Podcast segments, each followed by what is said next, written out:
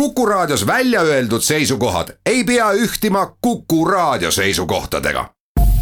Te kuulate Kuku Raadiot.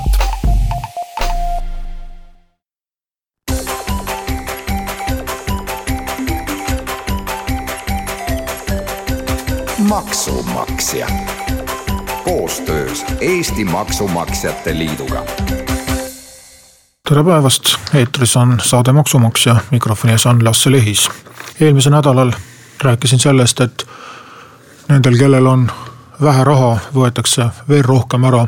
ehk sellest, kuidas töötavad pensionärid ja töötavad töövõimetuspensionärid uue aasta maksumuudatustest kahju kannatavad, kui seadusi vahepeal kiiruga ringi ei tehta.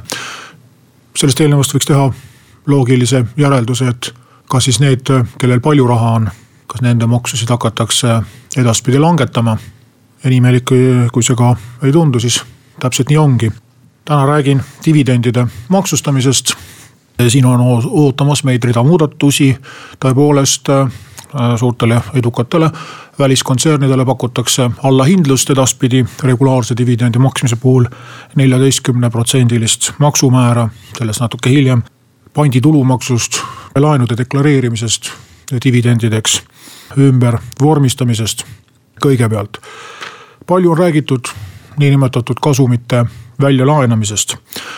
kui aastal kaks tuhat meie tulumaksusüsteem sellisel kujul kehtima hakkas, siis juba enne seaduse kehtima hakkamist oli sellest probleemist juttu ja ja hiljem loomulikult aina uuesti ja uuesti toodi ka avalikkuse ees näiteid nendest edukatest äh, välisosalusega ettevõtetest, kus äh, kogunenud kasum oli välja laenatud välismaale või kontsernikontole pandud ja kiruti meie tulumaksuseadust rumalaid poliitikuid, saamatuid maksuametnikke, et miks midagi ette ei võeta. tegelikult Äh, oli algusest peale mõeldud ja muretsetud selle pärast, kes äh, ajalooga kursis on, äh, teavad ja tegelikult on dokument ju mustvalgel olemas, milline nägi välja tulumaksuseaduse eelnõu aastal üheksakümmend üheksa, kui ta riigikokku läks. milline seadus tuli riigikogust välja ja milliseid parandusi on seal hiljem tehtud, siis me näeme seda, et alguses olid küllaltki karmid piirangud ja niinimetatud panditulumaks, nagu teda küll alles nüüd hakati nimetama, oli algses versioonis täitsa olemas ehk siis äh, täiesti nähti seda sellist maksude optimeerimise võimalust ette ja püüti välja mõelda mingisuguseid äh, toimivaid viise selle tõkestamiseks. paraku kõikide selliste, selliste robustsete piirangute äh, põhiline probleem on see, et sellest kannatavad ausad rohkem kui ebaausad, ebaausad leiavad võimaluse laen millekski muuks ümber nimetada või kuidagi keerulisemaid struktuure pidi keerulisemate lepingutega seda raha välja viia ja seetõttu jäid mõned piirangud äh, tõesti seadusesse sisse, hiljem kaotati ka need ära ja jäi püsti nagu selline üldine arvamus, et meil on sellised paragrahvid nagu teiseldud tehingud või mm, maksudest kõrvalehoidumise eesmärgil tehtud tehingud, et äh, küll maksuamet tuleb ja, ja maksuamet võtab ja maksuamet äh, teeb ja, ja, ja määrab, kui vaja. Praktikas me oleme näinud, et äh, ega ta suurt midagi nii väga ei teinud, kui täpsemalt öelda, siis jah paar väikest kohapealset tegijat võeti vitside vahele ja riigikohtust tuli kahe tuhande seitsmendal aastal siis üks õpetlik otsus, mida siiamaani kõik üksusevõidu tsiteerivad. ja kus räägitakse siis sellest, et laenu andmine iseenesest midagi kahtlast ei ole. isegi intressita laenu andmine võib olla täitsa, täitsa normaalne asi, kui sellel on mingi mõistlik põhjus. aga kui asjaoludest ilmneb, et laenu saaja ei ole võimeline või ei ole suuteline laenu tagasi maksma ja need asjaolud olid juba laenu andmise hetkel teada, siis äh, on Maksu- ja Tolliametil tõepoolest äh, kõik võimalused öelda, et see laenu andmine oli tegelikult dividendi maksmine ja tulumaks sisse kasseerida. pärast seda ei juhtunud suurt midagi. ehk siis äh, need suured kontsernid, kelle kohta näiteks Eesti Ekspressis edetabeleid on avaldatud, ei ole mm, ka pärast seda riigikohtu lahendit suurt midagi teinud. ja sealt tuligi siis nüüd järgmine mõte praegu käimasolevate maksumuudatuste ettevalmistamisel siin kuskil aastakene tagasi. sealt edasi siis tuli eesti keelde uus sõna panditulumaks mille mõte oleks olnud siis selline, et äh, seotud isikutele ehk siis oma kontserni äh, emaettevõtjatele, aktsionäridele, muudele sellistele lähedastele ettevõtetele laenu andmisel oleks tulnud siis laenusummalt tulumaks ära maksta ja laenu tagasimaksmisel siis saab tulumaksu riigilt tagasi küsida. no sellest oli siin kevadel äh, ka siin saates juttu jätame selle vahepealse osa ära. millised seadusemuudatused siis, parandused jõudsid selleni, et lõplik versioon, mis ähm, kehtima hakkas. või uuest aastast kehtima hakkab, on siis selline, et äh, laenu väljaandmisel iseenesest maksukohustust ei teki, aga punkt üks, ähm, seotud isikutele antud laenud tuleb maksuametile kirja panna, deklareerida üks kord kvartalis. ja äh, teiseks, äh, kui laenu tähtaeg on üle nelja aasta, siis tuleb kirjutada lisaks ka nii-öelda seletuskiri. ehk siis Maksu- ja Tolliameti nõudmisel põhjendada, et äh, need laenud ikka tõepoolest tagasi makstakse. ja kui maksuametil tekib kahtlus, seletuskiri ei ole piisavalt ilus, siis tulebki tulumaksuga maksustamine. ja loodetakse, et äh, niimoodi on siis võimalik välja selekteerida ausad, ebaausad ettevõtjad ja saadud info pinnalt siis teha oma valikud, äh, kellelt minna seletusi küsima ja kellele tulumaks määrata. kuigi siin on kindlasti ka teatud äh, tagamõte, et äh, juba on edastatud piisavalt selge sõnum, et selle asemel, et deklareerima hakata, võiksid need patused firmad hakata rohkem dividende maksma. ja oma nii-öelda laenukoormust sellega või välja antud laenude mahtu sellega vähendama ja võib-olla ei olegi vaja maksuametil hakata käsi väänama, kui ettevõtjad saavad vihjest aru ja hakkavad oma käitumist muutma.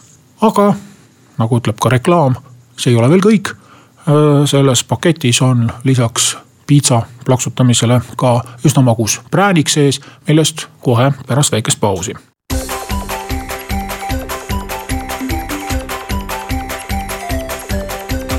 maksumaksja koostöös Eesti Maksumaksjate Liiduga. saade Maksumaksja jätkab ja jutuks täna dividendide maksustamine uuel aastal. esiteks siis kahtlased laenud tuleb maksuametil üles anda ja hakata täiendavaid seletusi andma, et äh, kui neid laenusid ikka tagasi ei maksta, siis tuleb hakata tulumaksu nendelt maksma, aga teine muudatus on siis äh, samuti suunatud sellele, et äh, need äh, ettevõtted, kes on teeninud korralikult kasumit, aga ei oska sellega midagi tarka peale hakata, ehk siis investeerimisvajadust ei ole. aga dividendideks maksta ka nagu ei raatsi, sellepärast et siis tuleb riigile tulumaks ära maksta. ja et nüüd meelde tuletada ettevõtjatele, et nüüd on just paras aeg hakata meie uut valitsust maksutuluga toetama pakutakse siis eh, neljateistprotsendilist maksumäära kahekümne protsendi asemel. noh, kui täpseid arvutusi teha, siis, siis dividendilt me arvutame tulumaksu eh, netosummalt ehk siis kahekümne protsendi asemel on siis kakskümmend kaheksa kümnendikku ja neljateistkümne asemel siis neliteist kaheksakümne kuuendikku. aga miks just neliteist, miks mitte viisteist, just Läti ja Leedu peale mõeldi, et oleks siis maksukoormus veelgi väiksem, et välismaised kontsernid, kui nad Baltikumis tegutsevad, tihti valivad kus on soodsam, kuhu oma Baltikumi peakontor teha. ja väike vihje siis neile anda, et võiks hakata neid peakortereid Eestisse tegema ja siitkaudu siis kogu Baltikumi kasumit nii-öelda kokku konsolideerima ja dividendina välja maksma kui palju see nüüd sellist liikumist kaasa toob, on täna raske öelda, sest äh, neljateistkümne protsendiliselt hakkab äh, täies mahus see maksumäär toimima tegelikult alles kolme aasta pärast. Äh, rakendub ta siis kolmes osas ja tegelikult kaks tuhat kaheksateist tuleb alles esimese võrdlusaastana, nii et reaalselt siis väljamakse kus me räägime neljateistkümne protsendilisest tulumaksust, saab ikkagi toimuda alles aastal kaks tuhat üheksateist ja siis kolmandik kaheksateistkümnenda aasta dividendidest sinna alla läheb ja just ongi siis suunatud nendele ettevõtjatele, keda siin nimetatakse küpseteks. et äh, seda aastate jooksul kogunenud kasumit, mida ei ole raatsitud äh, välja maksta, et seda siis nüüd hakataks mitte ainult praegu ja kohe ja kiiresti välja maksma, vaid et ka tulevikus seda tehtakse regulaarselt. näide on siin olemas, et äh, kiruti äh, Swedbanki, aastaid ta ei maksnud dividende, siis ta noh, kas ta nüüd just solvus, aga paar aastat tagasi siis tegi ühe väikse sutsaka, täpsemalt nelisada miljonit eurot. Mis tähendas siis riigile saja miljoni euro suurust tulumaksu laekumist. ja sellest tekkis ka päris palju äh, segadust, sellepärast et see oli niivõrd suur summa, et äh, hakkas ühe aasta eelarvet lõhki lööma. ja et siis anda signaal, et päris niimoodi ka ärge ikka tehke, et maksate nüüd üks kord kümne aasta jooksul, et makske ikka iga aasta ja natukene. ehk siis tegelikult tahetakse meie tulumaksusüsteemi tagasi äh, sellele äh, vanale süsteemile lähemale viia, aga siis mitte otse, vaid selliste keerulisemate võtetega, et äh, ikkagi see tulumaks laekuks pisikeste juppidena regulaarselt, on ettevõtjatel teada, mis neid ees ootab ja on ka riigil maksulaekumisi natukene äh, parem äh, planeerida. aga kokkuvõtteks jah, võibki öelda, et äh, see toode on suunatud välisinvestoritele, sellepärast et kui dividende saavad meie oma Eesti inimesed, füüsilised isikud, siis nende jaoks tegelikult maksukoormus lõppkokkuvõttes jääb samaks, lihtsalt ta jagatakse kahe maksu vahel. äriühing maksab neliteist protsenti ja tuleb siis täiendav kinnipidamine, et see vahe kompenseerida, nii et sellistel firmadel, kus kus omanike ring on Eesti kohalikud oma inimesed, tegelikult ei ole nagu üldse mingit mõtet äh, sellel uuel soodustusel. ja siit on ka tekkinud küsimus, et kas üldse ongi vaja et kui lõpptulemus ei muutu, et seadus ütleb, et jah, maksumäär on neliteist, aga kas ma võiksin ikkagi rakendada kahtekümmet protsenti.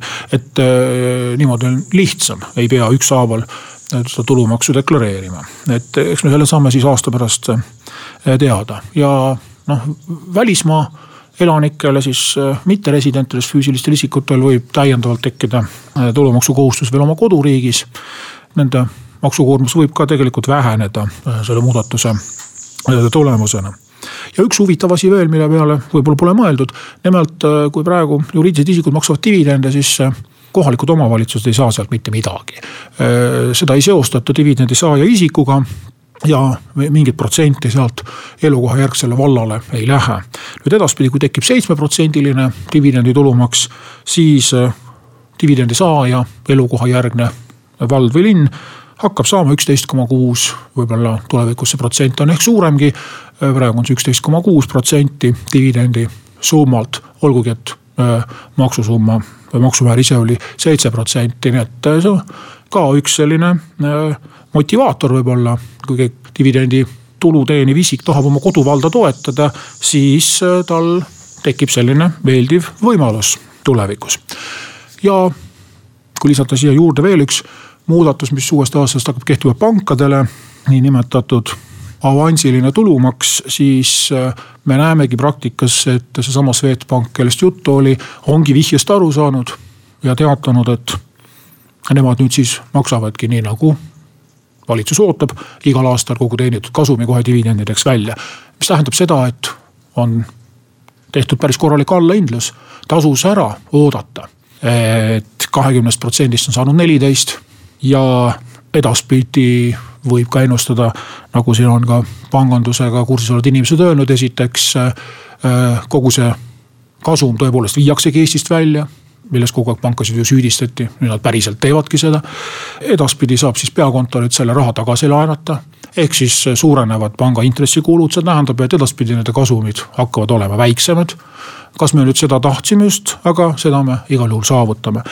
omaette teema on see, et miks nii-öelda kasumipõhine kvartalimakse ainult pankadele tuleb, aga ta ei kehti liisingutele, ei kehti kindlustustele, fondivalitsejatele, noh siis ei ole eriti raske muidugi ennustada, mida suured pangad äh, võiksid tegema hakata, et oma kulusid kokku hoida, mis tähendab seda, et äh, suurte pankade positsioon Eesti turul paraneb.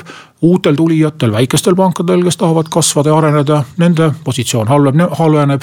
Äh, nemad ei saa maksuvabalt enam investeerida, neil on kasulikum ka dividende maksta, neil ei ole selliseid tütarfirmade võrgustikke, mille kaudu oma maksukoormust optimeerida ei saa öelda, et see oleks olnud tulumaksuseaduse muudatuse eesmärk, aga paraku on selline tagajärg sellel seadusemuudatusel. soovisime me seda või ei soovinud, mõnikord on need tulemused risti vastupidised võib-olla sellele, mida mõistlikuks peetakse. ehk siis uue valitsuse rahahimu tundub olevat niivõrd suur, et mis mõjud sellel Eesti majandusel on, ei paistagi nagu eriti korda minevat. tänan teid kuulamast, kohtume uue teemaga järgmisel nädalal